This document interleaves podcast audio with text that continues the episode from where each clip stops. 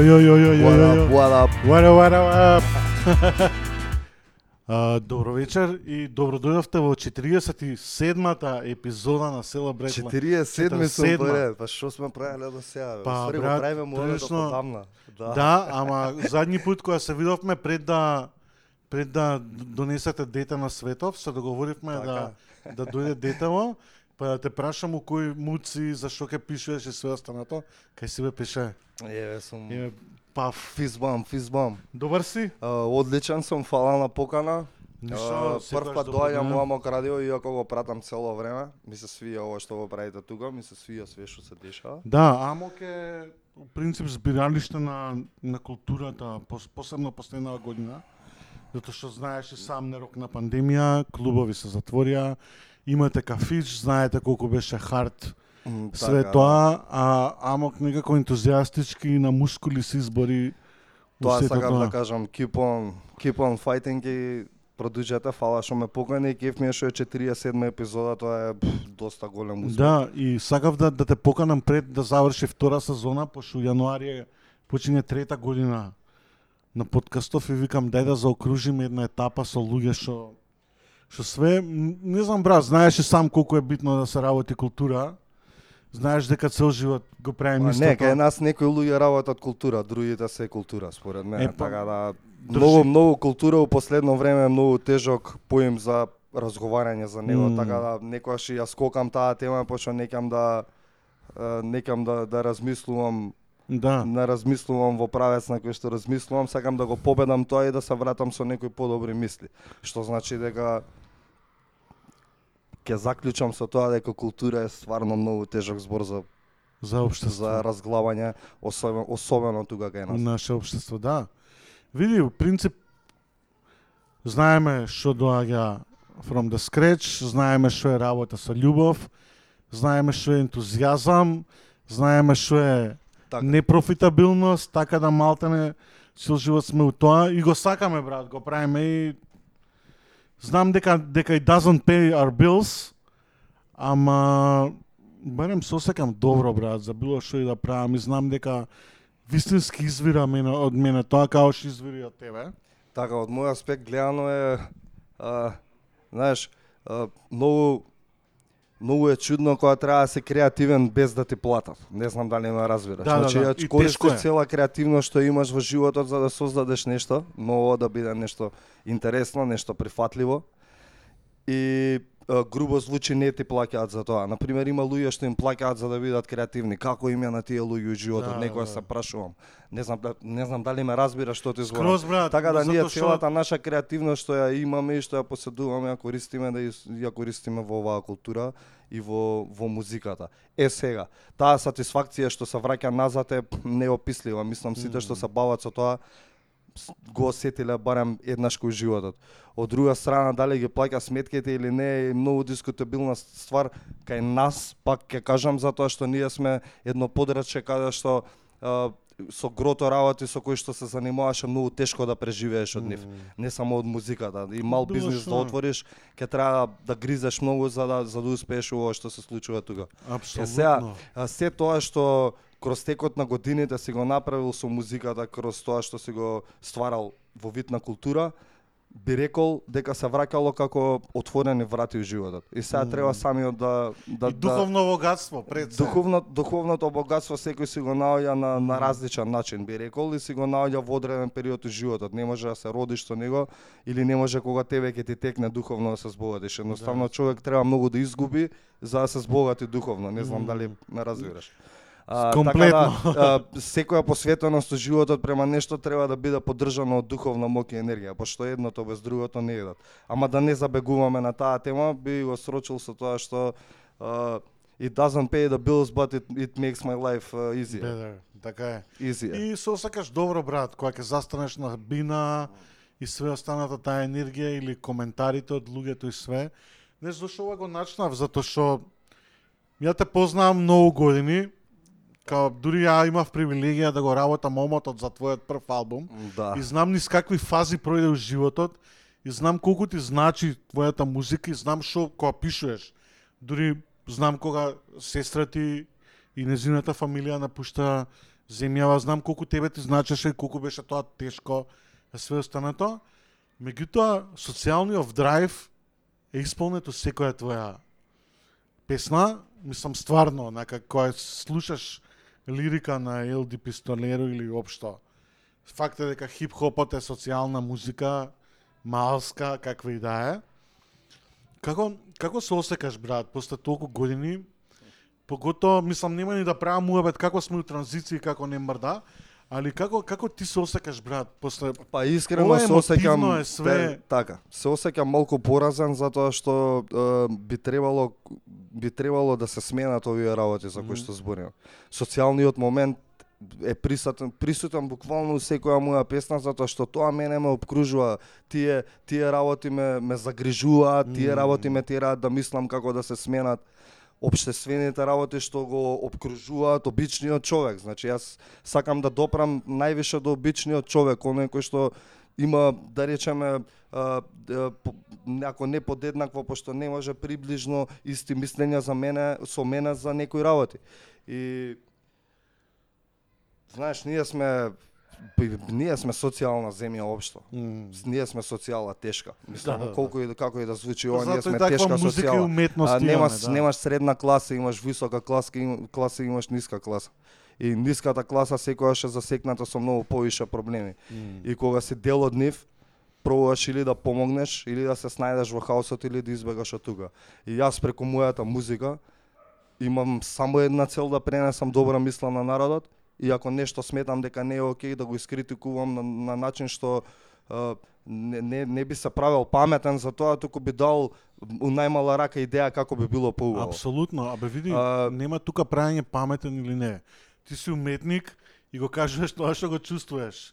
Take it or leave it. Нема тука што диску, дискусии, апсолутно. Добро, меѓутоа кога си кога знаеш кога сите стихови ти се под лупа, Мгм. си цело време на мета и имаш одговорност што ќе кажеш, многу често наидуваш на секакви коментари.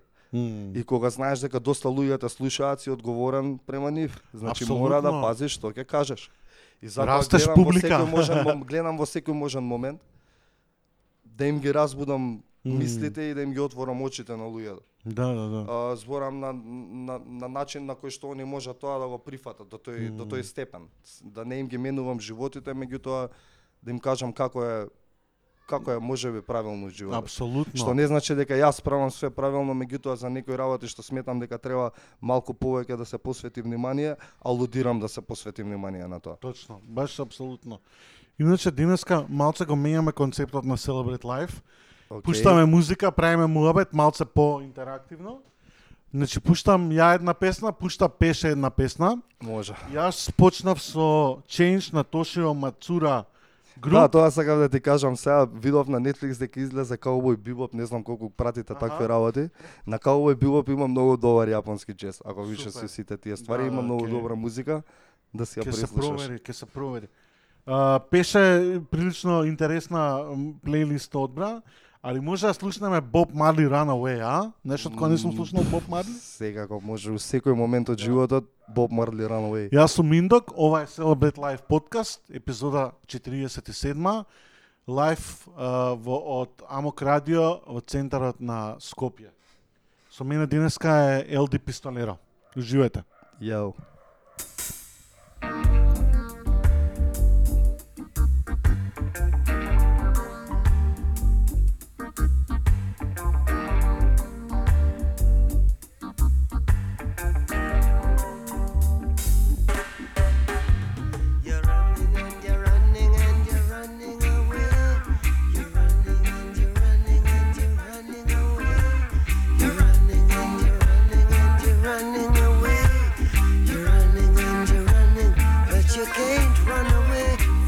você.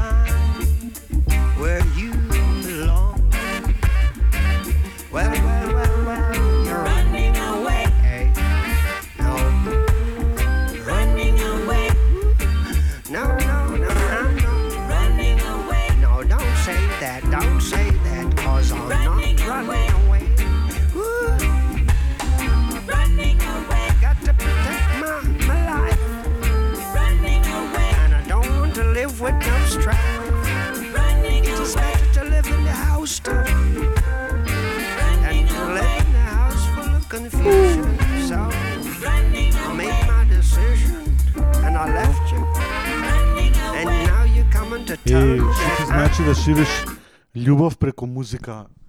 Марли е цар, не постои Марли е неверојатен. И фала му за све што оставил. Да. Да оставиш толку така. љубов на светов, треба стварно да имаш толку многу љубов и да имаш себе, друга мисија у све останато. баш така. Uh, ова беше Боб Марли Running Away. Се надам дека уживате у нашето друштво. Со мене денеска е LD Пистолеро. Јао. Јо, јо, јо, јо. Беше два албуми, еден микстейп. И тоа скромно, можам да кажам скромно. Никад не било агресивно, никад не било нешто форсирање, него секад било многу природно. Дури микстейпов излезе онака, инкогнито што се вика, у fucking пандемик. Да, па може, знае, Нели? може, може и пан, пандемијата не потикна да го издаеме тогаш, пошто Али, прво нешто што направивме во пандемијата со Гоце беше лайв стримот кај него Да. во студио, пошто луѓе чекаат, сакаат да те видат, ти ништо не правиш, сакаш да им даеш нешто да чујат, го направивме стримот, у меѓувреме се работеше микстейпот. И викам зашто да не излезе човече микстейпов луѓе ово нека слушаат, нека уживаат. Излезе микстейпот и може затоа Да. беше така малце потивко и не на Ма, голема врата како што сме знаеле да правиме да. промоции, али кул, луѓе ово слушаат, М. мислам многу многу добро многу добро им легна. Ето така многу да е различен, микстейпов е многу различен Да, од целото да. твое творештво. Па види, може би е различен пошто ако го споредуваш со албумите. Во М. принцип јас снимам албум процесот на снимање на мој албум трае долго. Тоа Да. е затоа што не сакам да снимам било што. М.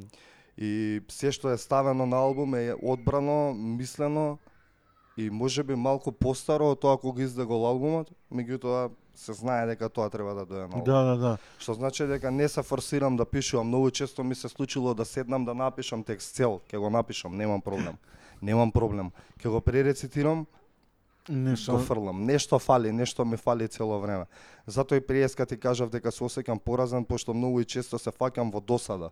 М. Пошто ке многу работи се вртат у круг и многу работи се толку стерилни што нема ништо ново што ќе те поттикне малку. Знаеш, као артисти треба нешто да те мотивира.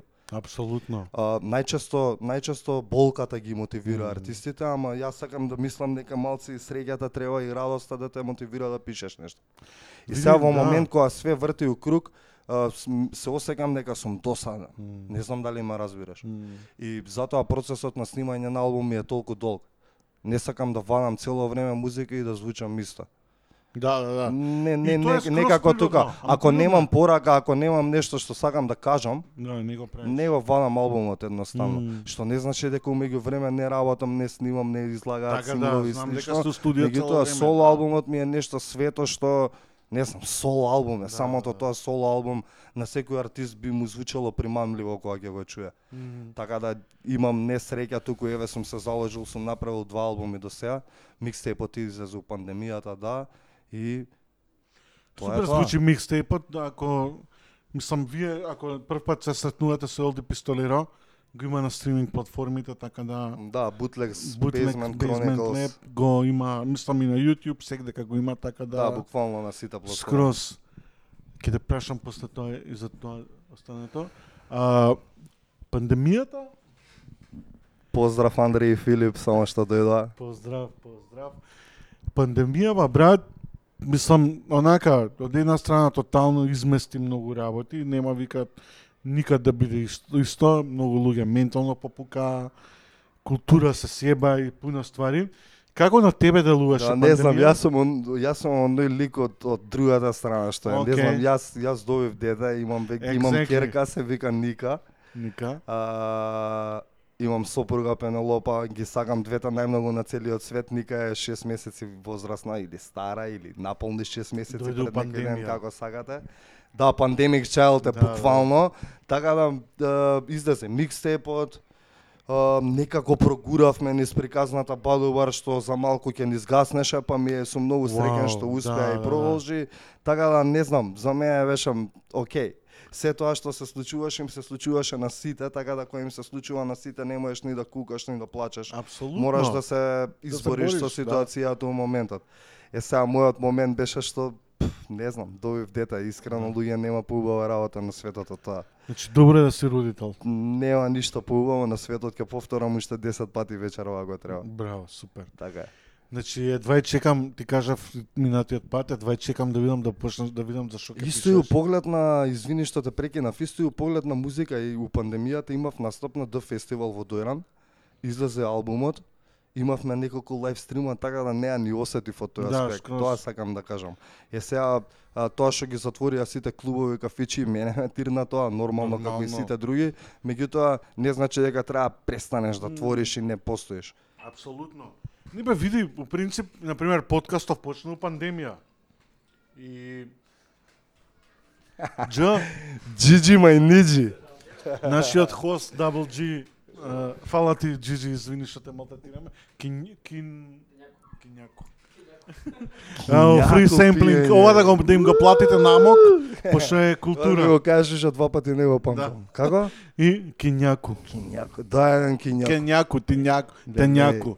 Океј. Добро. На пример, у пандемијава се роди подкастов, у пандемијава се роди Амок. У пандемијата нацртав луѓе се свртаа према себе. Exactly. Нацртав над 200 илустрации, брат. Као, не знам да убеда твориш боле, апсолутно, али која никад не си имал време за себе, брат, и тоа не е себично. Да. Знаеш, онака, која, ова беше момент self.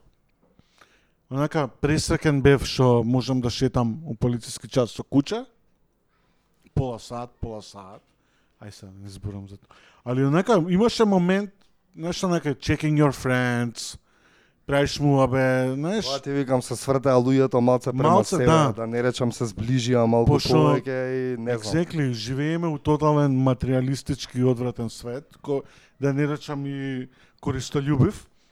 Меѓутоа, се на, така, романтизирам цело време дека идеме на подобро, брат, дека ќе станеме подобри луѓе. Сега, може тоа е само некоја моја визија и проекција, али многу ми е битно што луѓето околу мене се окей, знаеш, тоа ми е птен битно.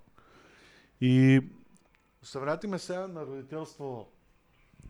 А, се сретнавме со Ника и со тебе на улица, А, ти да, се да, шеташ, шетња, те да. гледам дека уживаш у тоа. Да, да, Живате да шетате по улици, ептен ти е добро. Се смени животов, така? Као, Па се смени Многу е- многу е животот. по- Не, не се смени животот, се смени секојдневиот. да, да, да. Така, така би кажал. Значи не може да ти биде исто како претходно.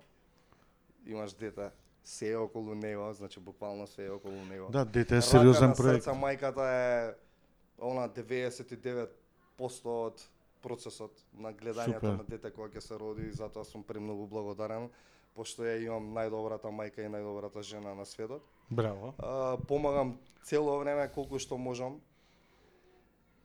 Го шетам детето у секој Го можен момент детето, кога да, да, можам, тоа точно. го гледам те, гледам А, тоа. и дека- не знам, одлично е. Одлично, Да, да, таа да. енергија што ти ја дава, тие фаци, тие звуци што ги пуштаат допирот, не знам, треба сите да се искусите во животот за да тоа е ствар што треба да искусиш за, за да знаеш некој што ти збори. Со зборови можеш само да сочувствуваш, ама не и да знаеш како.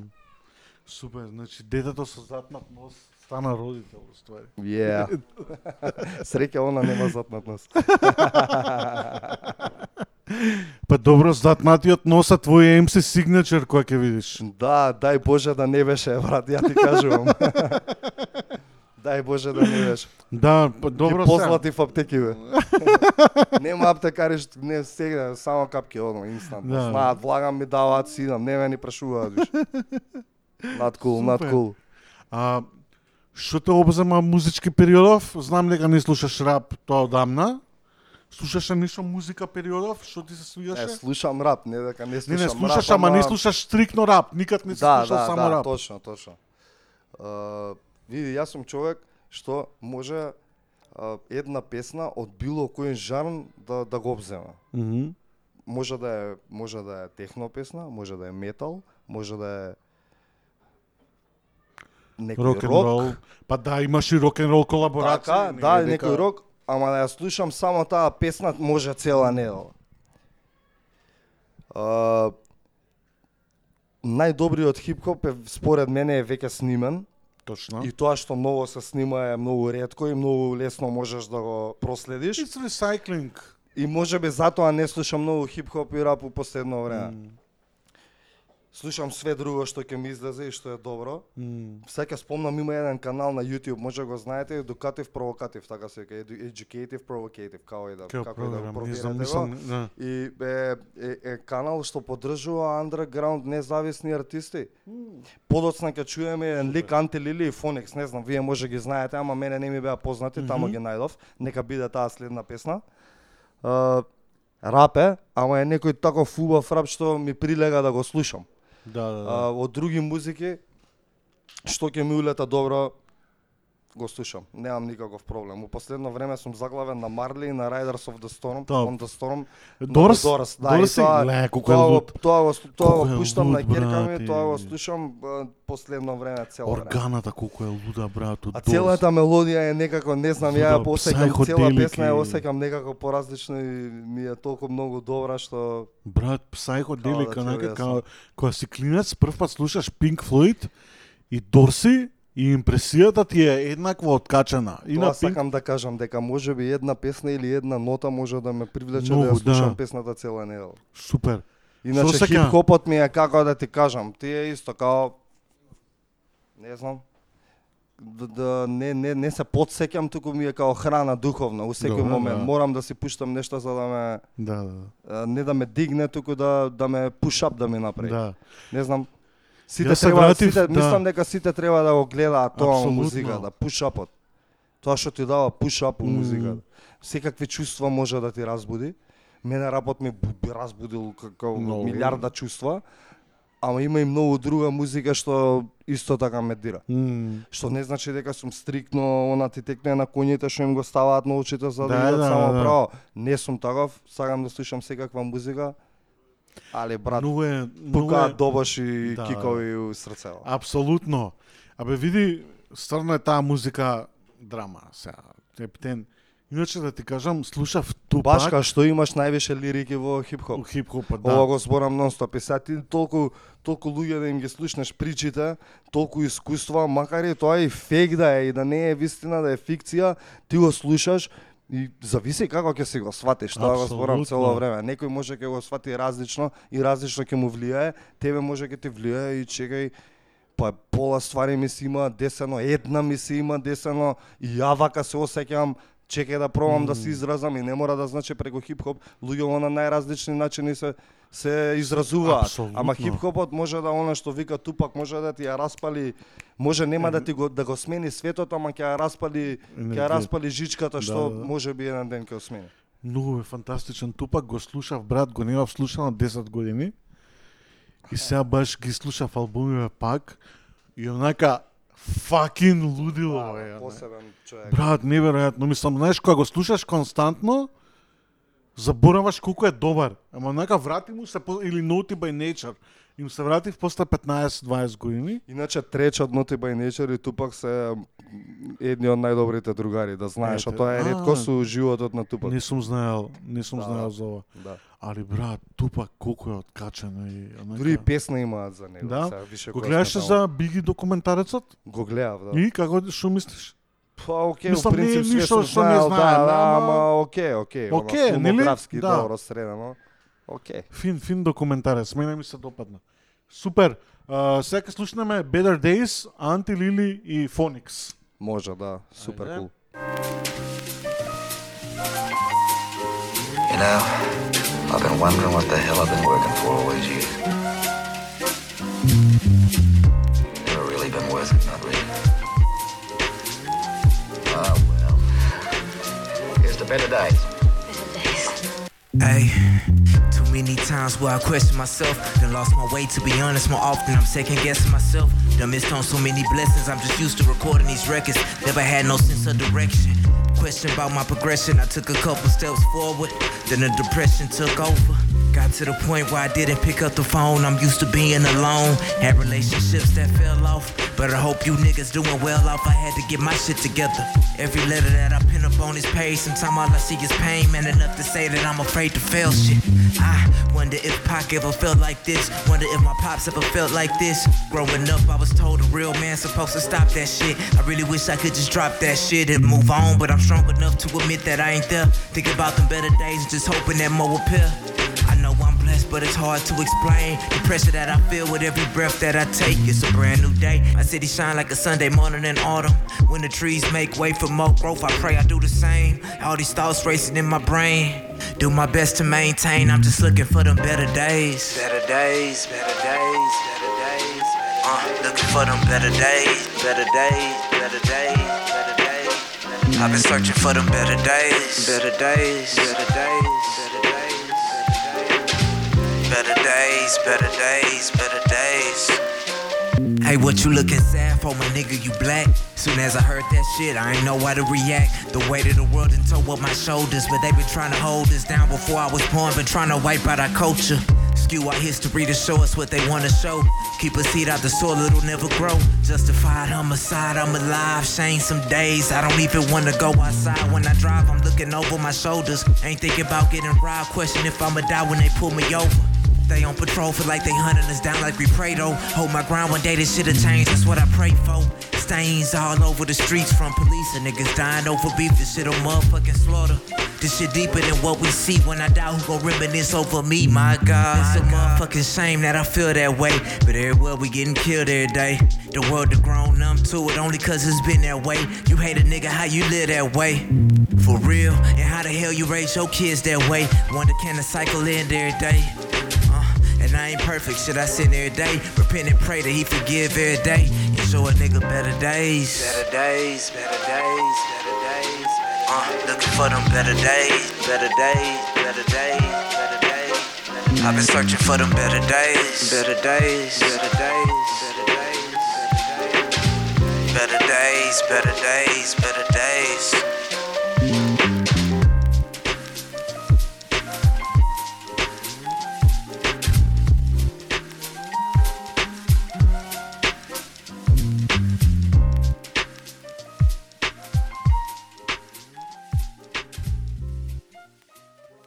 Hey, baby. I'm just calling to see how your day was going. I'm having a pretty frustrating day and just wanted to hear your voice. But call me when you get a chance. I'll talk to you later. Love you.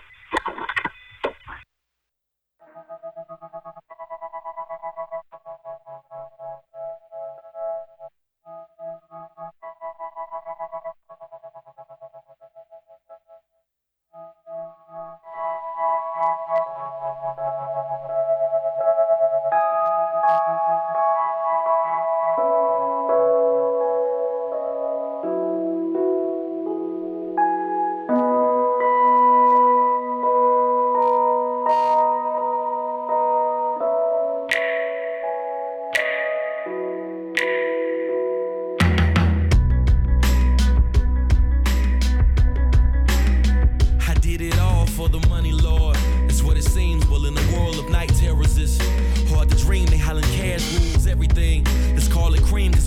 rises to the top, you get the finer things.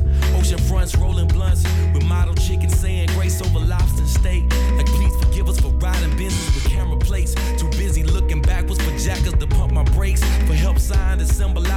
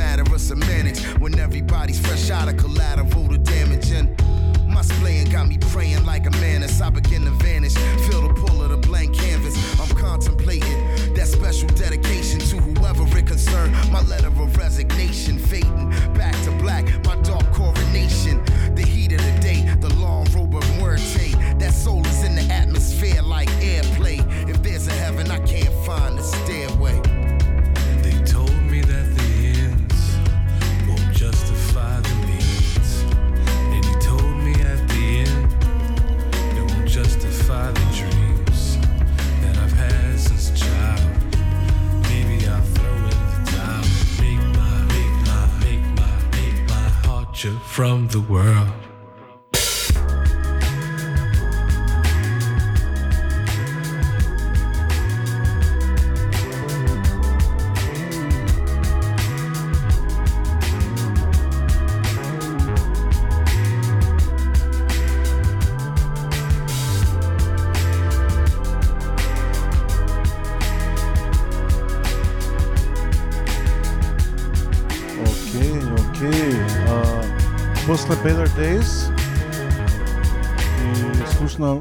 Слушнавме Roots од прекрасниот албум Andon.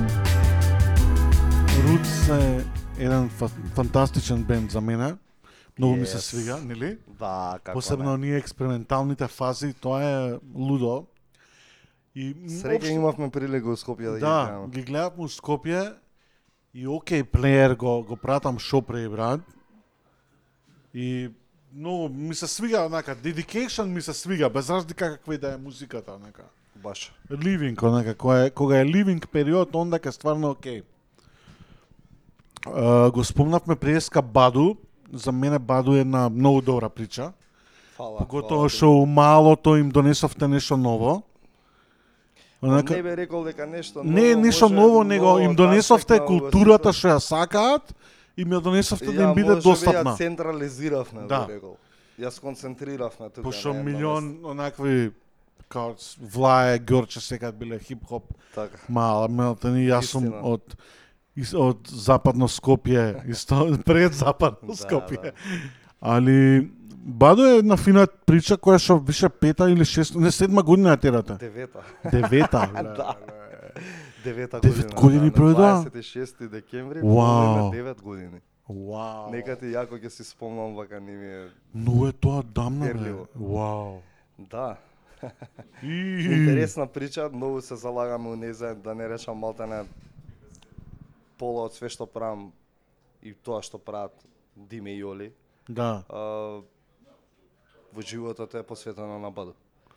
Така да Не, таа супер е, прича што да. сакавме од стара да ја изградиме, веќе е стигнато до ниво на одржување. Знаеш, Мгм. више ќе дојдеш до еден степен и после треба само да го одржуваш. Е, Пројдовме низ тешки периоди, тоа сите го знаат, сите што доаѓале у знаат колку ни било не тешко на нас, туку тешко на сите што се занимаваат со тоа.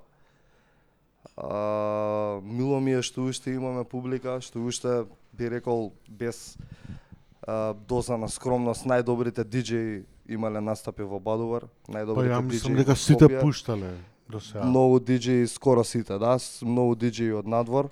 Го гледам успехот преку очите на другите луѓе. Ако се они задоволни, значи нешто е Да, како да, што да. треба. Така да се трудиме да биде приказната да. како што треба Е, така, и да. Баш кај raising добиваме culture. добар фидбек. Апсолутно, баш кај raising culture. Ако некој Така, дете да. сака да се занимава со нешто, има база кај да дојде за да ги Да, запознае многу фациве. често се случува тоа Апсолутно. во секој навијата. Еве, имаме ние Gun, Double G, Джиджи Мајниджи, од да, да. Филјан да. Влаевски. не, Джиджи. Од, од, од, од, од, таа, од таа нова генерација на диджеи. Добра генерација. Добра генерација, да, New Kids е скроз cool. А, пеше, принцип, Баду промовира култура на одреден начин, значи кафиња, пијачки, коктели, журки, такви тематски и све останато. Така. Ама тоа не е нешто сфорсирано, него така, поприродно е... Знам, ова... Го... Види, све што спешаток е сфорсирано- таков затоа што гледам дека луѓето како реагираат. Знам дека една другарка е пресрекна балони која пуштавте таму за некој не Така, Make a Wish Да, party. Make a Wish party. И као нела дена за балоните збореше и као викам се дека на луѓето им е нешто добро што им се дешава у нашето секојдневие, тоа е многу добро.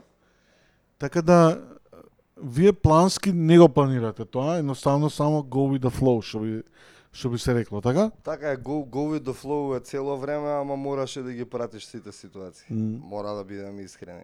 Go with the flow е до момент кога а, а, зависи како го сваќаш go with the flow. Ние сме go with the flow со публиката, пошто публиката е таа што ти го прави флоуто. Мораш да бидеш go with the flow. У принцип на музика и на све што се случува од културен аспект или промоција, мораш да бидеш многу предпазлив и многу стриктен.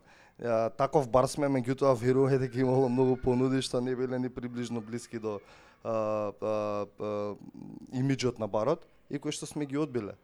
Значи, Верувам. мора да бидеш многу истраен и многу стриктен во тоа што го работиш, за да бидеш таков каков што си. Беш Е, на ние- публиката не можеш да ја А. пласираш фарса пред се. Види, можеш, не дека не можеш, Ама- ама, или ќе трае кратко или нема да биде Exactly. како што треба. Така е. Затоа девета година поред тераме, затоа што сме скроз природни и затоа што све правиме буквално искрено од срце. Браво. Ова нека биде потик за сите луѓе што сакаат да почнат нешто, да Сите веруваат што у сакаат да почнат нешто, особено таков бизнис и угостителство, би им кажал, еве да речам три работи. Едната работа е ценете си ги вработените, втората работа е ценете си ги гостите и третата работа е ценете си ги вработените. Тоа е мојот Браво. Тоа е многу битно. совет. Апсолутно. Супер. А, што сум напишал тука. А, Ни го спомнавме тоа, знам дека многу го ептенти значи. Кендово е присутен дел од твојот живот многу одамна. Така, да. Сериозно си влезен у тоа. Така. Дури и спотови имало со кендо. И све кај што се давало респект на културата Да. и све останато. Од неодамна почна да го пренесуваш знаењето на young kids. Да. И каков е филингот? Не зашто те прашувам ова. Пошто мене најголема сатисфакција ми е у животот која работев 3-4 години со млади луѓе кои им пренесував што знам. И брат, тоа е као да ти пуштиле 500 евра по такси.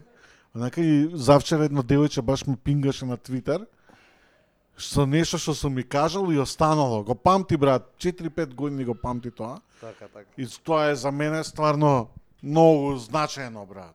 Као, не знам, не знам као ти се осеќаш околу сето тоа. И што е кендо, брат? Кендо е тоа, јапонска, да, тоа е Кендо е јапонско мечување со бамбусови мечови, направени од бамбус кои што се викаат чинаи. И има една цел да направи подобар човек од тој што го вежба кендото и нормално да да и пред и за време на тренинг и после тренинг шири само позитивна енергија на луѓето. Као некоја медитација, аспект, така, walking. кратки црти. Кендото е многу повеќе од ова ја што го кажав. Меѓутоа сакам да биде запамтено како а, боречка вештина која што има за цел да направи подобар човек. Ништо повеќе од тоа. Супер. Се занимавам многу одамна со кенде и да, во последно време сум многу горд и сум многу среќен што заедно со Андреј Јатанасовски, кој што е моментално тука, а, имаме група од 15 на деца. Браво, 15 деца. Па да, И- имавме после пандемијава имавме затоа ти кажувам, после пандемијава имаме експанзија на нови ученици во доџо. Затоа ти кажувам дека најверојатно сите се свртеа према себе и почнаа да знаеш Да да, се разоткриваат на некој начин, како родителиве така и децава. А, да работиш што деца е многу тешко, меѓутоа поентата на учењето е да ги совладаш да еве да речам пречките кои што ќе ти се појават додека ти сакаш да образоваш едно дете. Е сега во во твојот случај ти им пренесуваш знаење од нели а, а, наставничко знаење Да. преку предавање на нешто, ние мораме да ги научиме на нешто што е физички. Мораш да Дис- го вежбаш, дисциплина, е да. дисциплина и е боречка вештина. А, знаете, знаеш секогаш има деца што се талентирани, деца што се малку недисциплинирани, деца што е, ете, може би некој ги натерал да дојдат. Тоа го постоело сегде и секогаш. А, најубаво на цел свет е што на овие години, после толку тренирање, можам да препознаам кои деца се талентирани, со кои деца треба да посветам повеќе внимание, а со кои деца треба уште повеќе внимание да посветам за да бидат како другиве. Знаеш, убаво е кој ќе ти кажат у нивниот јазик е наставнику, наставнику, Да, да. а, во нашиот јазик е малку поинаку и тоа ми Како како се обраќаат. А, па види како иде тоа. Златко Кесковски е нашиот е, учител или сенсеј. Он не воведе во све ова што се вика кендо. Откако замена да речам во условна пензија, тоа го превзема Андреја Танасовски кој во случајов е сенпај. Сенпај е десната рака на сенсејот. Аха. Е сега, јас би рекол во наводници сум му десна рака на Андреј. Супер. А за, ни, а за нив, Андреј е сенсеј, а јас сум сенпај. Океј. А како иде еволуцијата? Тоа одлучува учителот или? Не, тоа е, како да кажам, не хиерарскиски е. Тој што е најстар, тој што е учител е, е сенсеј. Тој што му е прв ученик и најдобар ученик, кој што ги превзема стварите и има одговорност према доджото, према другите помлади ученици, према послабите од него е сенпај и сите други се кенши. Аха, Значи јас супер. сум кенши, трети дан, член на Зен Кендо Доджо, Самурај Скопје. Јако. Мене многу ми се свига. Многу ми е кеф за децата што се упорни, ги интересира Тоа кендо, редовни се и пф, не знам, ми го полнат срцето, како да ти кажам. Многу откачено изгледа обликата за кендо. Да. Онака warrior. Warrior, брат, онака као... Да, Тоа е буквално самурајска вештина и Многу јако а, облеката и оклопот што го носиме се вика М. Богу. А, окей. А, Извини, стварно не сум Не, упатен. не, не, нема воопшто проблем, не само ти, него многу голем дел од државава поима нема што е кендо, ама затоа сме ние тука да се потрудиме да го расшириме што е можно повеќе. Колку години постои кендо у Македонија? Имаш некоја таква статистика? Кендо постои во Македонија од 2006 година. О, па добро, тоа е прилично голем период. Да. Бевте у Јапонија на некој Не, првенство? бевме во Кореја. Кореја, па Кореја. сори, да. Во Јапонија не сме И биле. тоа како Да, како какво искуство беше тоа? Па не знам 50 држави преку 400 такмичари. Вау. Сеул, Инчеон, граница со Северна Кореја, знаеш, она О, не знам, на луѓето може ми е чудно, ама мене ми е многу некако па по овие години подрага страната на кендото него ли страната на Елди Пистолет. Окей. Како и да ви звучи ова. Супер, добро е. А, и Си пораснал на друг начин со со со кендото. Па да, и, мислам дека на сите луѓе им треба филтер, меѓутоа мене кендото ми- може би ми било филтер до одреден степен, сега ми ја више секојдневие. И го премин, преминувам, го преминувам како секојдневие. Моментот Кореја е тоа што сакам да ти го објаснам, значи сум се бавил со сосема други работи во животот, ама сум решил да се посветам и, и таа посветеност према кендото и помошна на луѓето што ми ја дадоа од страна, ме донесе до светско првенство на во кендо во Кореја. Браво. И знаеш, она как, каква и да ни е државава да да ги да ги браниш боите на држава и знамето да го држиш на себе помеѓу толку држави е искрено непроценливо. Ни еден настап, ни еден ништо, ништо, ни еден настап, ни еден ни една журка, ништо не е приближно добро колку тоа да ја представуваш државата на спортски настан. И затоа цело време алудирам и ги мотивирам луѓето да се посветат максимално на спорт. Затоа што мислам дека во вакво секојдневие тоа е единствена ствар што би не одржала здрави. Апсолутно. И ментално и физички се останат. А кендо е посебен спорт каде што пред се се учи почит еден према друг и се учи дисциплина и се учи а, како да се справиш не полесно, туку како да се справиш реално и искрено со стварите Тоа, во тоа животот. го отвори моето следно прашање. Како изгледа еден кендо тренинг, уствари? Мислам, дали има некоја медитација? Бака, секој, или секој нешто- кендо тренинг почнува со реихо. Реихо значи понашање во доджото. Доджо е училиштето каде што вежбаме кендо. Океј. Значи доаѓаш, се соблакаш, ги оставаш патиките на страна. Се све се ова мали моменти кои што еве вака размисли си ги глава да. се битни. Ги соблакаш патиките на страна, зимаш папучи, одиш во соблекувална, се соблакаш пред да влезеш во салата, се поклонуваш на шоменот. Шомен или камиза е местото каде што се ставени а, каде што е катаната на сенсеот, каде што се ставени во рамки а, починатите сенсеи, the ancestors of kendo, да не речам, а, покрај тоа ќе спомнам дека во нашето доджо покрај кендо се вежбало и карате и џиџицу и јаидо, што е Уу, што е- се четири вештини на, е, едно да. место, да. Така да имаме почит према повеќе old masters би рекол и тие сите old masters се наоѓаат на едно место на камизата. Значи ти пред да влезеш на тренинг мора прво да се поклониш на камизата и да кажеш онега иши мас. Тоа значи а, ти се поклонувам и ти се заблагодарувам што си тука на тренингов, што вежбаш со мене. А, потоа мора да се запази редот, секогаш а, мора да биде све пиц пец би рекол. Тоа е вештина, не е тоа да биде напнато ти да го правиш, туку треба све природно да ти дојде. Со самите со самото посетување и тренинг ќе стекнеш и дисциплината. А во денешно време каде што немаме задолжителна војска, мислам дека таквите вештини би биле многу драгоцени за младиве да знаат што е дисциплина, да знаат како треба да се однесуваат према некои ствари. А, потоа тренингот продолжува со, не знам, загревање и вежбање понатака на Супер. секакви техники. и На, на кој левел се луѓето кога И да, почињаат- не заборавам, извини, на пред секој почеток и на крајот од тренинг има мокуца. Тоа е таа медитација што ме праша Океј, дали супер. постои. А на кој левел луѓето почнуваат да користат катани или тоа е цело време? А, и јаидо е вештина каде што се вежба со јаидо или катана. А, тоа е презентација на кати со замислен противник, значи го работиш сам. Треба да, А, да супер. представиш, да, треба да представиш перфектна форма и перфектен засек, би рекол. Супер. А, а катана. Види, кендо е тотално друга ствар. Не работиш со катана, работиш со шинаи. Шинаито е направено од четири парчиња бамбус кои што се еластични и кои што кога ќе тудри не осеќаш ништо, би рекол. А кога во феудален Јапан или на времето, не знам, тамо 600 години кога и да било, кога биле забранети самураите и било забрането да се носат катани.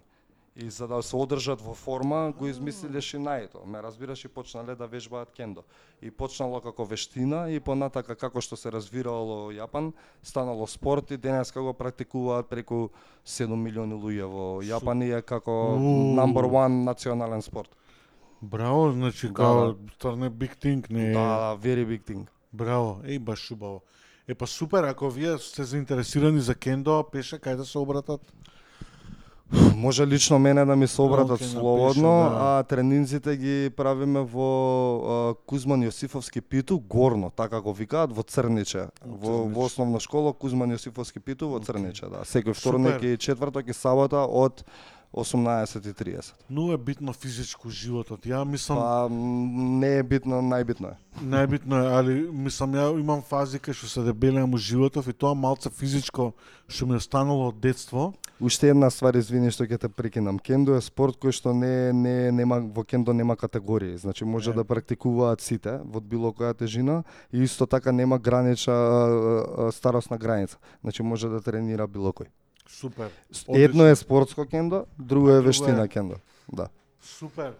А, интересно звучи ова, за вие што прв пат слушате, мал, малта ни и мене ми е нова тема. Кендо, али беше фино, супер што го сподели ова. Сега ќе пуштам една песна. Ќе Јас пуштам сум наред Мадли. како ти. А? Па ти пушти руц, јас сум наред. Да. Ај пушти да. ти па ја, пушти. Ај ќе пуштам еден Мадли, па ти ќе пуштиш, па ќе се вратиме на, на муабет. Ова е Celebrate Live Podcast. По- Подкаст, 47 Пав, епизода. павкаст. Подкаст. јас сум, јас сум Индок, со мене денеска е Што не е пав, павкаст, брат. Madlib, Mystic Bounce i fa od fantastičnog, fantastičnog album Shades of Blue. Hi, this is Melvin Sparks checking out the beat conductor Madlib on the Blue Note Records, keeping the funk alive.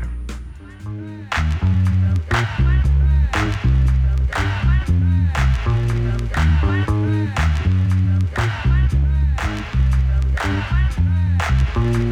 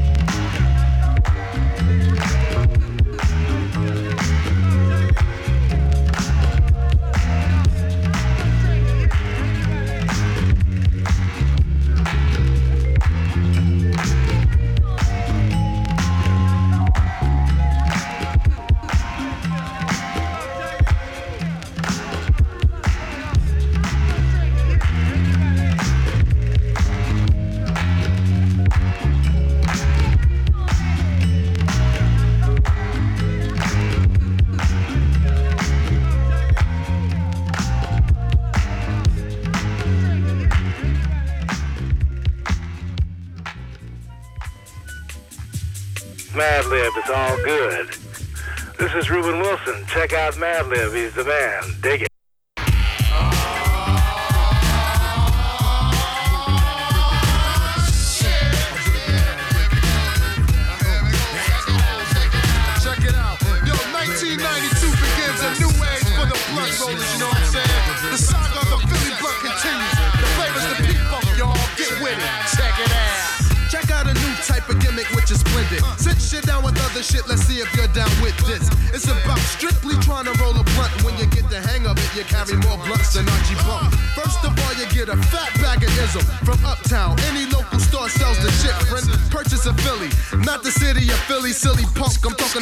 Cigar, the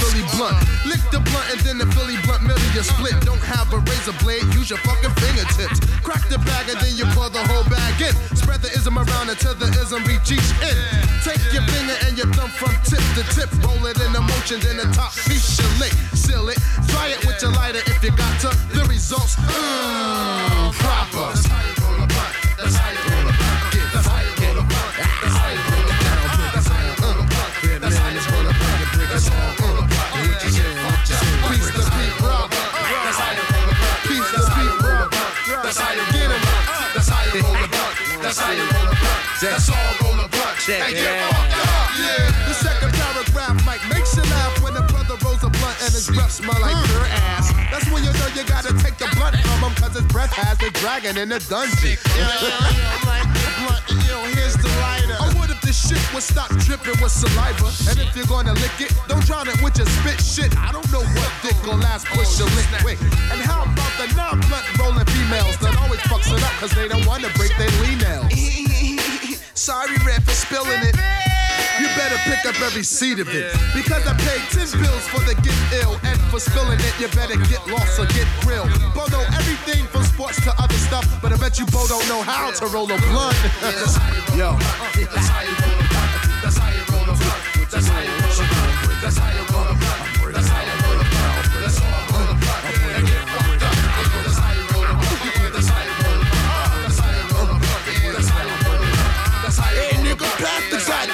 Blunt. Shit, you holding all day for? Your big ass. Yo, yo, check this out. I want all the real niggas out there and the females too. If you got a fat blunt in your mouth and you feeling high as hell, I want y'all to repeat after me. Check it out.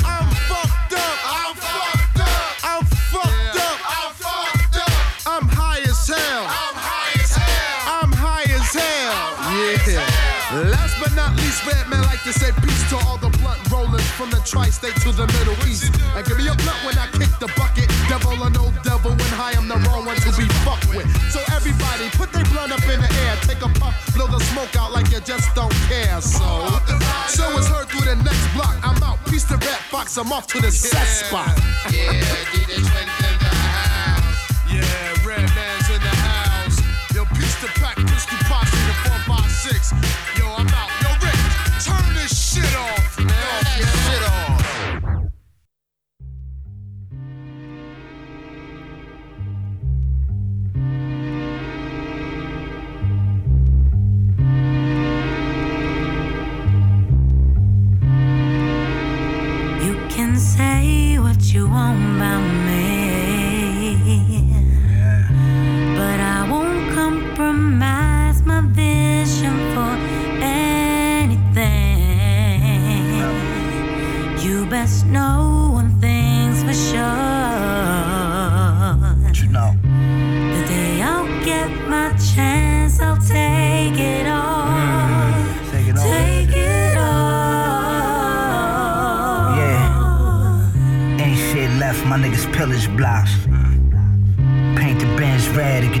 Get the ceiling chopped. I'm a Mac, fuck drug dealer, that's still a job. I still keep the small danger in the gym sock. Socket torn rock, the niggas music by basura. My shooters hit the bullseye. All I could think was get that moolah. The Yale white lights and lay moon fry. I'm not the suit and tie type guy. My rhymes got a fly man from Milan. Huh? Peep game, gotta read it between the lines like Michael Dehamed Raw. Sauce. The pause come with dual exhaust. All you do is talk, you lost, it's food for thought. I I record songs in the food court. My thoughts is a jewelry store. I'm looking like a young cool G with my cool G on. Cool me off. Who blew me off? These shoes to y'all. Salute me, dog. Cooked up the raw that made Pookie rise from the fog. Stay away when there's trouble. I'm on your air bubbles. Spray the Tech 9 with holes to let air in the muscle. Pop it down square in the Montclair, tear muscle. I know you hear bum niggas a lot of air hustle. I know you hear bum niggas a lot of air hustle. Fuck you, man, nigga. My eyes red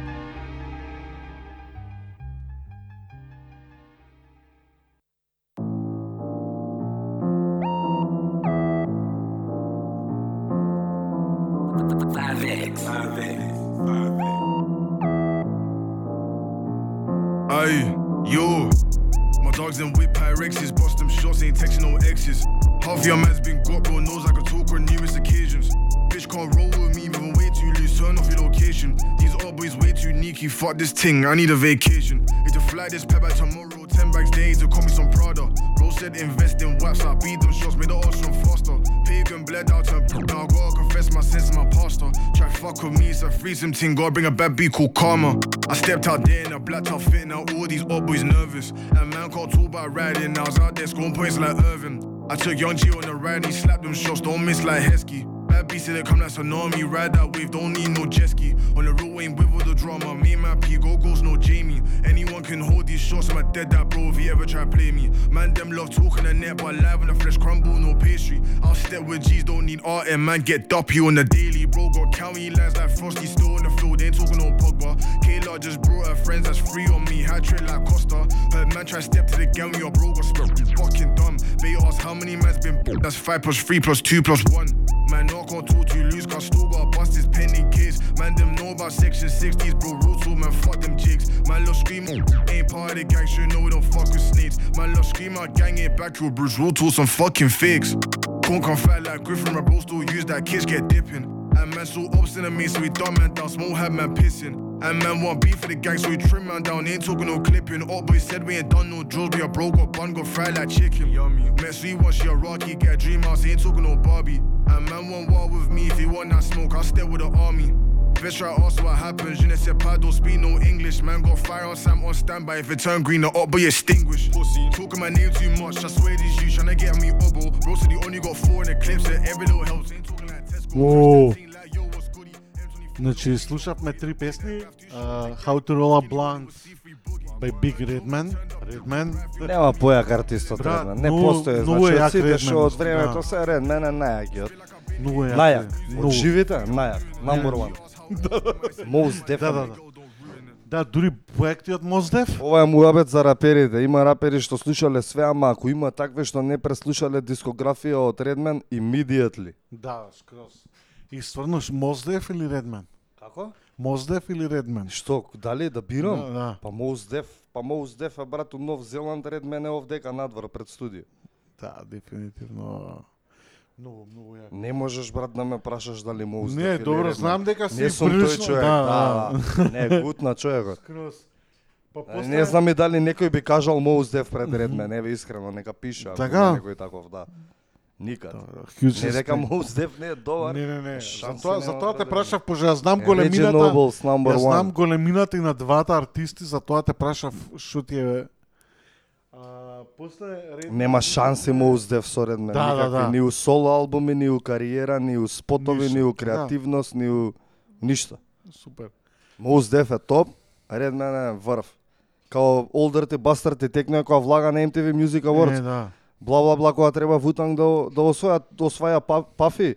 Доаѓа им вика Puffy is good, but Wu-Tang is for the children. Така е. Same shit. И за Вутенк.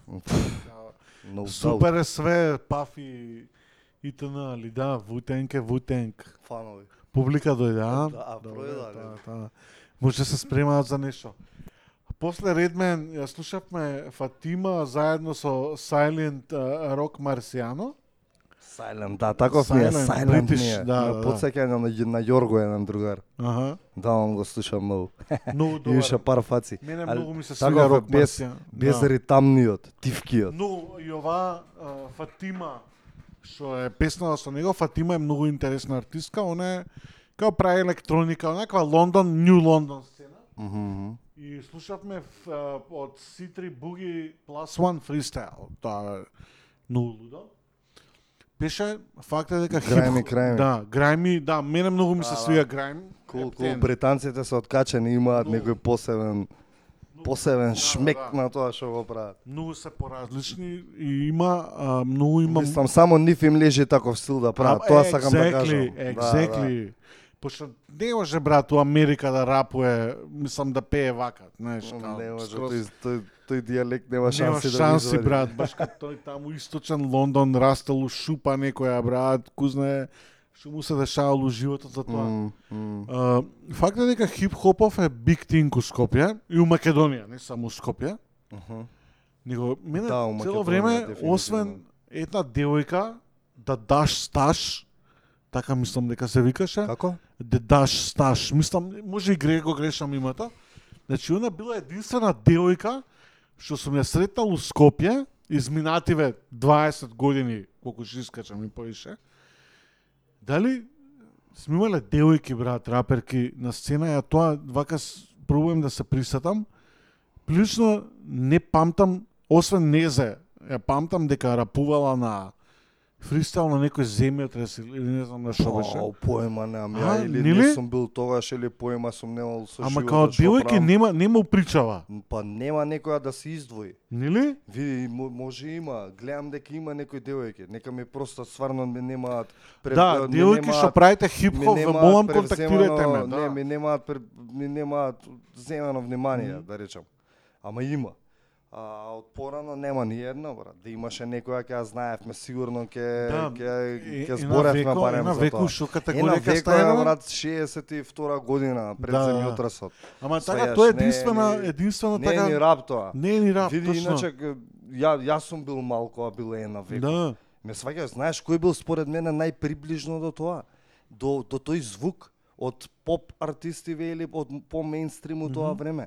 Ерзана, не знам дали ја памтиш. Ја Значи, пуштив три Ерзана пати на беше емисија, прва да. што избаци Drum е, and bass breakbeat, а, breakbeat, Да. а, R&B, црнец у спот, рецитирање у Да, спот. да. Ме сваќаш тоа кај нас тогаш врска нема нема албумот луѓе на Ерзана, дури да не ти се веруе Еве колку не е за ја спомнам, ама тоа траело два дена, третиот не постоиш. Толку. Од некој вака да се издвоил по underground, некој MC, барем девојка да снимала спот да направила песна од тоа време не постои. Сега сигурно има, ама ја поема немам. Значи ова е апел до сите девојки Да, што работат нека се рап и пријават, хип-хоп, да, да, да, молам да. контактирайте не.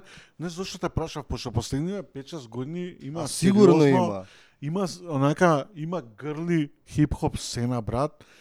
Партали, онака има една принцес Nokia растура, онака многу добра раперка.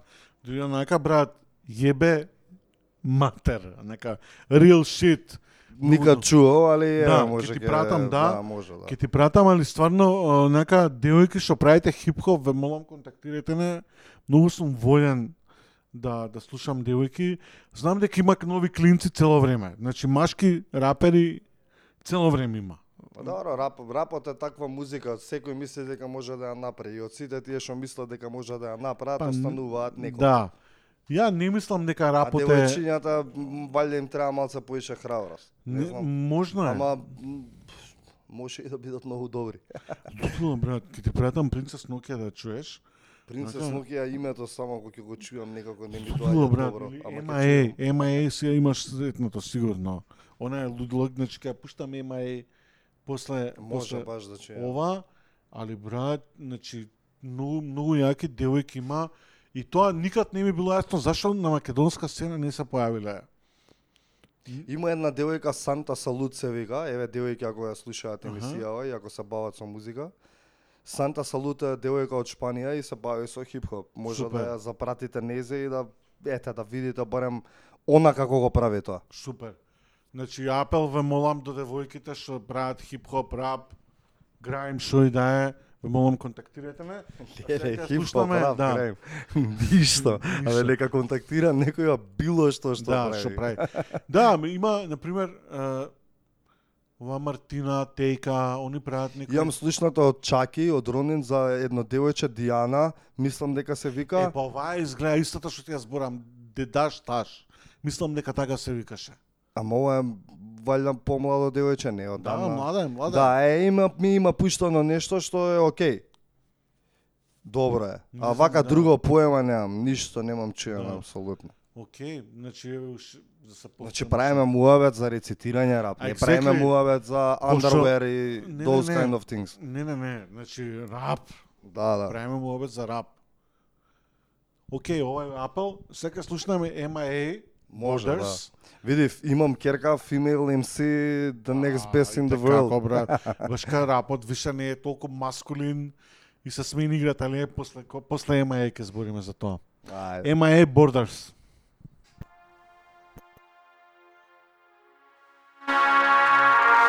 Freedom, item, meet 'em. Where'd you read 'em? This one needs a brand new read 'em. Weed and the key. Weed and the key them to life. Let's beat 'em. Weed them smartphones, don't beat 'em.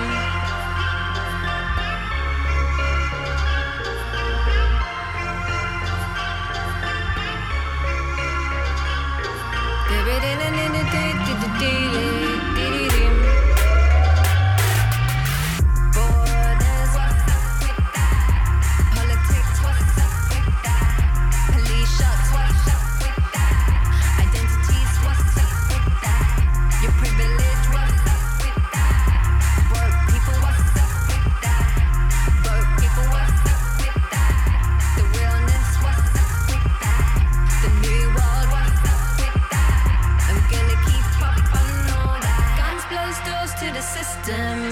system. Yeah, fuck 'em when we say we're not with them.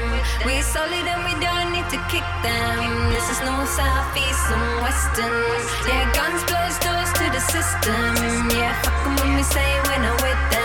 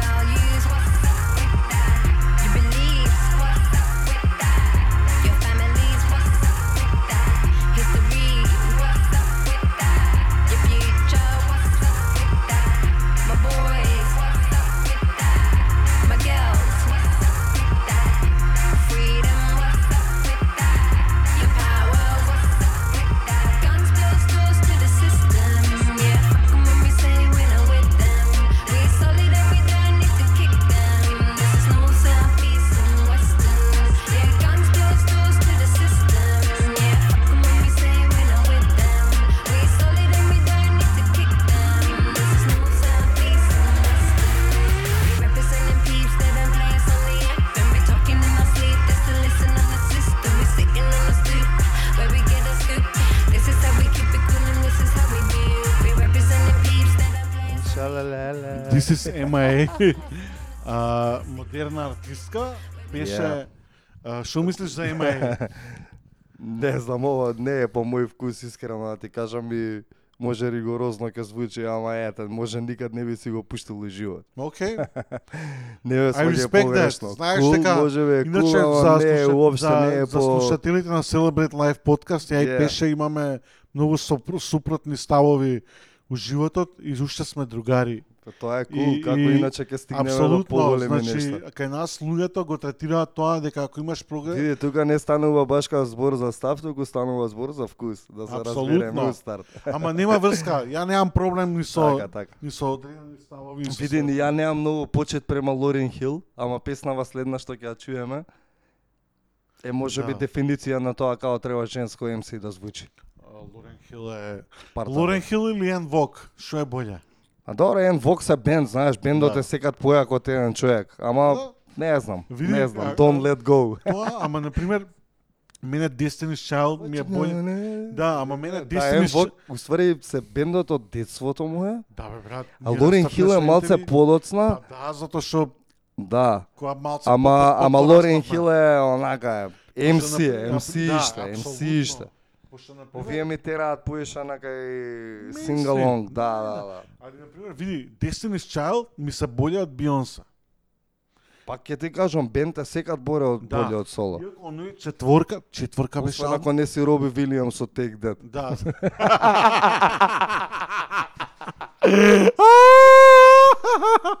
да, да, да. God damn.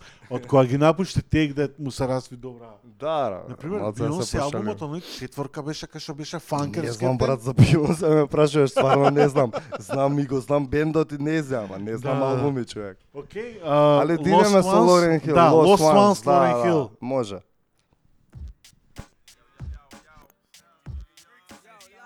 Line up, please. It's funny how money changes situation. Miscommunication lead to complication. My emancipation don't fit your equation. I was on the humble, you on every station. Someone play young Lauren like she done. But remember not to game the one under the sun. Everything you did has already been done. I know all the tricks from bricks to Kingston. Like Ting done, Major king Kingdom, one run. Now understand L Boogie, not violent. But if a thing test me, run for me, gun. Take a threat to me, newborn son. L been this way since creation. A groupie call you far from temptation. Now you on ball over separation. Tarnish my image in the conversation. Who you gon' scrimmage like you the champion? You might win some, but you just lost one. You might win some, but you just lost one. You might win some,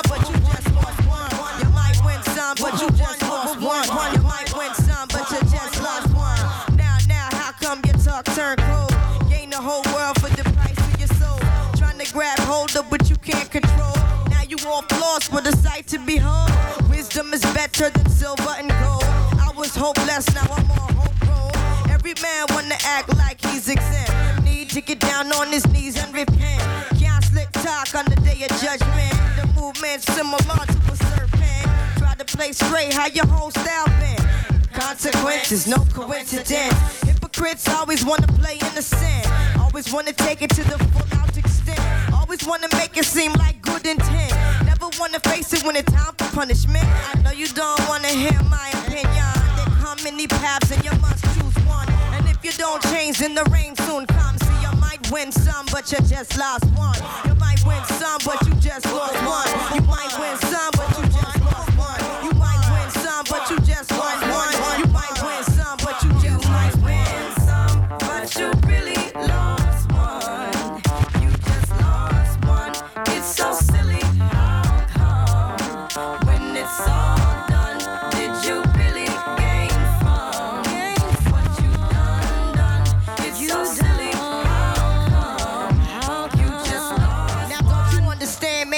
Universal law. What you throw out, come back to you store. Never underestimate those who you scar. Cause comma, comma, comma, come back to you hard. You can't hold God, people back that long. The chain of time wasn't made that strong. Trying to pretend like your word is your bond, but until you do right, all you do will go wrong. Now some might mistake this for just a simple song, and some don't know what they have till it's gone. Now even when you're gone, you can still be reborn. And from the night can arrive the sweet dawn. Now, some might listen and some might shine, and some may think that they preach perfection. If you look closely, you'll see what you become. Cause you might win some, but you just lost one. You might win some, but you just lost one. You might win some, but you just lost one. You might win some, but you just lost one. You might win some. Λούρεν Χιλ, λούδιλο. Το ανεσόμενο. Yeah. И тоа ќе ме Најдобриот MC од Фуджис, така... Значи, нема, нема боле. Така ги имаат у тепа на Вајклиф и прасу животот, знаеш, така? да, да, да. Добро, види Лорен Хил да не е нема ни да постат Фуджис иш така да А, да. така. Да. Тоа ме доведува до нашето последно прашање и тема која што ја и ти многу често ја дискутираме. Ајде. А, тоа е new school и old school музика. Например, јас сум растен со old school музика. Факт. Све, факт е тоа, мислам растен сум сето тоа. Ја почитувам таа музика и све останато. Новата музика maybe sounds cheap и све останато, факт е тоа. Али многу, например, работи се сменија. Значи се појавија нови правци као Neo Soul, и као Френк Оушен, и некои слични артисти, као. Аса Проки и све останато. Кул, тоа е знам, кул. Не знам дека тоа тебе не ти се свига као музика. Не, окей ми е. Окей ми е. Не би рекол дека би го слушал, али ми е кул. Нео сол ми е кул. Никад не сум рекол дека Нео сол не ми е кул. Никад не си рекол лошо против ниедна музика, кога и да сме разговарале ја и ти, него што мислиш за целиот тој нов мувмент?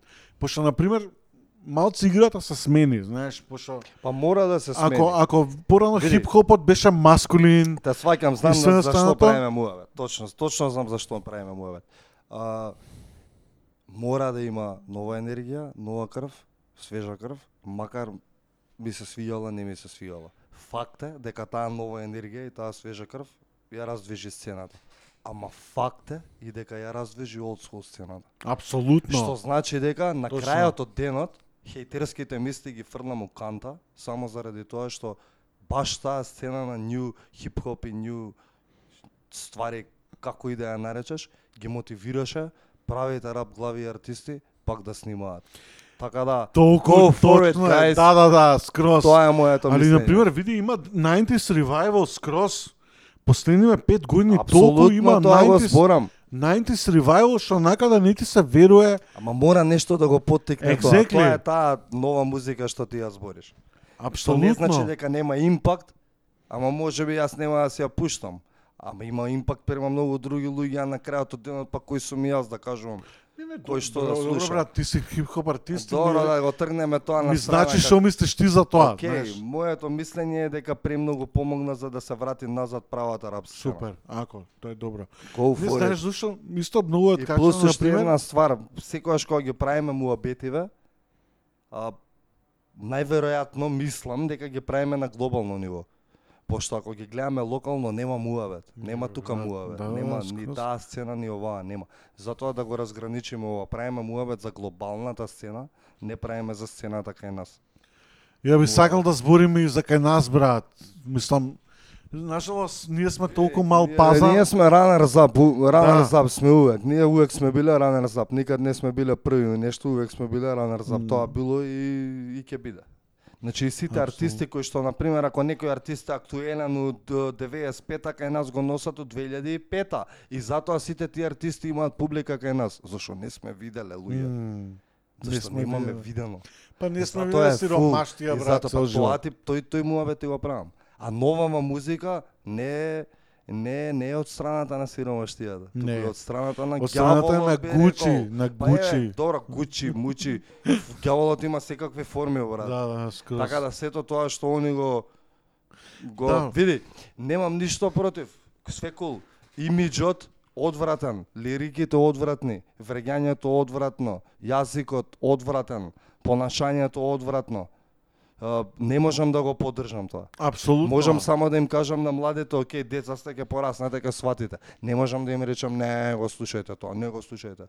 И јас сум имал стихови нападни и, батл стихови М. и само такви стихови кога сум бил дете, ама сум пораснал и сум рекол, чекај. Добро, малце, знаеме, еволуцијата да. така, еволуцијата на, на артистот, истото и еволуцијата на публиката, знаеш, он те слушал до 18, М. после тоа има други ствари во животот и не го обвинувам. Кога требал да те слуша, те слушал. М. Си го довел до негде и тереј. Што нуди новата музика? Што пропагира новата музика? Курви, дрога, а, некои нови синтетички ствари, лоши фризури, лош имидж, тесни панталони до глуждови, тетоважи на фаци, блути разврат, а, интимни видеа на интернет, дали е тоа окей, кажи ми. Private видеос, а, како се викаш она, да платиш за да те гледам, што правиш, дали е тоа окей? Апсолутно, затоа те прашам Зошто да го мислиш? поддржувам тоа? Да, да. Никогаш не би го поддржал во животот. Моите деца не би дозволил да слушаат таква нешто. Би го забранил, би го банирал. И тука се поставува прашање зошто нема еве некоја јавна цензура на тие ствари. М. Зашто мор, мора све да излага од таков карактер? Зошто нема цензура на тие ствари? Тоа е три збора во една песна, сите три се за никаде. Agree, брат. Што е тука добро, кажи Да, ми, да, да, тоа што децата ќе се направат партал и кидат ќе се трешат. Ужас, брат. Што е тука добро? Што зборат на 12 години за Нема тоа, депресија, нема ужас, тука да, добро. да, да. А, а рапот од друга страна, пошто секад викате и викате и вие сте рапери хейтате. Што хейтам, човек? Да, да. 25 години сум на сценава. Успеала формулата. Скрос. Успеала формулата. Супер, да, да, да, Значи, не пропагирам блуд и разврат Точно, и дрога. него you living. Пропагирам социјални теми, како што спомнавме на почеток, и пропагирам развој на култура. М. Значи, се додека слушам такви работи по песни, нула почет од пеше. Така е. Апел до сите. Пеше. И за крај, брат, а, нешто што многу сум накурчен ја на сето тоа, а и со тебе сме го збориле. У Македонија се фура некој лош а, фолк, трап, рап, што и да е. И као се букираат такви артисти на фестивали, кои што пунат одвратно, што никад македонски артисти не добиле таква подршка. Например, ги букираат тие фаци тука, а нашите артисти не излагаат натаму. Што мислиш, што е потребно и што би порачал на Ние, локалната принцип, сцена? Ние, принцип, ние, у принцип сме биле народ што секогаш работел против себе, дали било тоа за музика, дали било за за било што. А, многу луѓе ќе кажат дека јазичната бариера не спречува да имаме настапен надвор. Not sure. Not sure. Not sure. Пошто А, Бернес, брат, свира- И на крајот ќе кажам, а, добро, Бернес се се бендиште и они Да. свират. Значи сега ќе се малце ќе се ќе збориме за за хип-хоп и таа мутирана верзија на фолк хип-хоп што ти ја збориш. А, не се криви они, народот е крив. Значи народот чим бара, чим доаѓа, артистот ќе дојде, брат. Тоа што им се пласира на младите, тоа го слушаат. И на крајот, после толку години, си викам, не им наметнува никој. Стварно го слушаат тоа, човек. Значи, они стварно го слушаат тоа. Никој не им го наметнува, им се свија тоа. Живаат у турбо фолк, бе, брат. Живаат у турбо фолк. Мислам, стварно не може. Надвор на нашите простори, ви има артисти што настапувале доста надвор, само тоа е можеби пред очите на јавноста не, Не а, пласирано да, како да, што да. се пласирани тие ствари. Тачно. Никој не те вика надвор, у принцип за нас немаат многу многу почет надвор луѓе. Факт е ова, кој да те лаже, ќе те излажа, немаат многу почет. Врвни музичари имаат настап сегде, тотално заслужен, по андерграунд музичари мора да се изнамачат За да стигнат за да стигнат. Тоа е една ствар. Друга ствар е што до сега не се појавила компетентна издавачка куќа, ќе речам, издавачка куќа што ќе седи позади сите тие артисти, а позади сите тие артисти ќе седи еден човек кој што ќе им го работи пиар и менаџерството. 25 години сум сам свој менаџер. Индок брату. 25 години, не само ја Знам, и луѓето околу мене. Сва среќа Има што вие што имаат цели тимови позади што нив, да. работат. Тоа се вика што вие сте екипа, за да, да. стигнат до негде. Затоа ти кажувам на крајот од денот се, се се препознава тоа што е стварно добро, тоа што е фейк ќе го снема у времето. Точно. Исто како и овие нови трендови што ги збориме и нова музика. Хип-хопот постои, постоел, ние сме жив доказ за тоа. Толку години сме на сценава. Не само ние, збориме и за странство, нели? Не, скроз. Такви трендови фу, ќе ги снема. Значи ова е апел да ја цениме локалната култура и да даваме поддршка на све што треба. Значи купете диск ако немате дома Не, CD не ми е поентата ги, да ги свртам Не, не, не. луѓето. Не, Не, не, не. Да се. Уопште, Поентата ми е, поентата ми е знаеш она паметни сте расудувајте малце што е добро. А ако стварно тоа ви е окей, онда ќе стварно поразително и се откажувам. Значи ако тоа стварно им се свига и го слушаат им е окей и го го пуштаат и пази ти децава денеска ги гледам сите зборат англиски меѓу себе. Не зборат македонски. Таа ера е, да. Збор, окей, све е тоа кул, ама знаеш деца сепа не размислуваат дека утре може би тоа некако ќе им се удри од глава. Како и ние што не сме размислувале за многу работи. Know, Исто и да. со музиката. Скроз. Тоа што сум го слушал, има песни што сум ги слушал како дете, ги памтам до денес. Што ќе запамтиш ти од текстови од новата музика? Fuck your bitch on the couch, Да, да, one, while I mouch. И тоа уште пет пати на песна. Окей. Или whatever. Да, да, да. Не, не, не, your point. Супер. Значи, поддржувајте локална култура. Поддржувајте култура општо и сами Да, расудувајте што е добро, што е лошо. Точно. Верувајте, живееме град. поддржувајте блуд и разврат и најлошите работи на планетава Земја и немој да мислите дека рајата на овој свет кој што живееме. Тоа не постои све е илузија. Тоа малтане што го вергламе цел живот. Почитувајте ги работите кои се присутни, пошто Скопје прават муабет за нешто која завршува и која ќе осконтаат и тек на него поддржуваат моментот, така да respect your culture под, или поддржувате, еве, јас зборам на англиски, да. Поддржувате вашата локална култура. Добро, брат, децава се Индок, друго. Ова беше 47-та епизода на Celebrate Live подкаст. Со мене беше пеше Елди Пистолеро. Фала на покана. Фала ти што дое пеше. Поздрав до. Мика и Пенелопа. Фала ви што што ни го пуштивте денеска од улогата проект родител менеджер. Немам таков проблем. Да, да, да. Супер сме. Знам, така да, а, фала ви на сите што не слушавте. Уживајте со Амок, шерувајте ги стримовите, шерувајте музиката. Знам дека денеска сите слушаме на стрим. Ке се одјавиме со една-две песни. Ке пуштам Рони Сайс. Рони, иначе има Breakbeat и Drum and Bass Revival. Рони Сайс е Рони легенда. Сайс е гениален. Дури го гледавме у Скопје еднаш или два пати. Ептен, ептен добар артист. Уживајте, држете се, почитувајте се, проверувајте се ги пријателите, другарите, другарките. Кривајте им на телефон. Кривајте им на телефон, затоа што некад може жустро. Фала ти пеш. Фала ти Горане што ме викна да си ми жив и здрав. слушаме. Чао. Поздрав.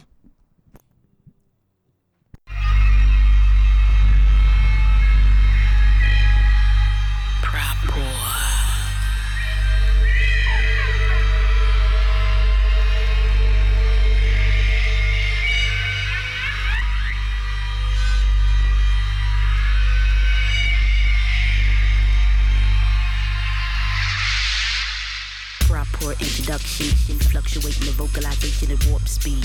He style with this style of rhythm produce loose. Literature sure to receive screens of encores for eye tour pleasure in the form of freestyle on foul with a nine pound etc. Measured all contents against the best concoction of catchy phrases. The outcome is that mine is ageless and yours is senseless. Kids from the UK to LA throw French kisses at me. Bahama the epitome of MC.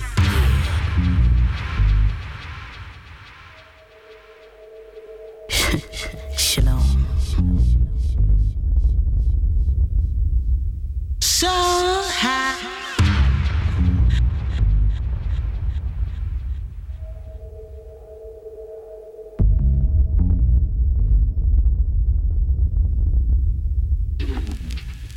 Melodic, logic, ties, limericks to raw forms to form, form, new forms of mood for you to move on, on, on into millennium vibe swing like pendulum.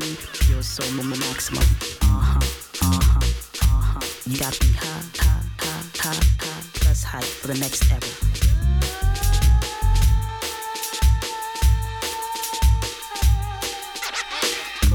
introduction. Fluctuating the vocalization at warp speed.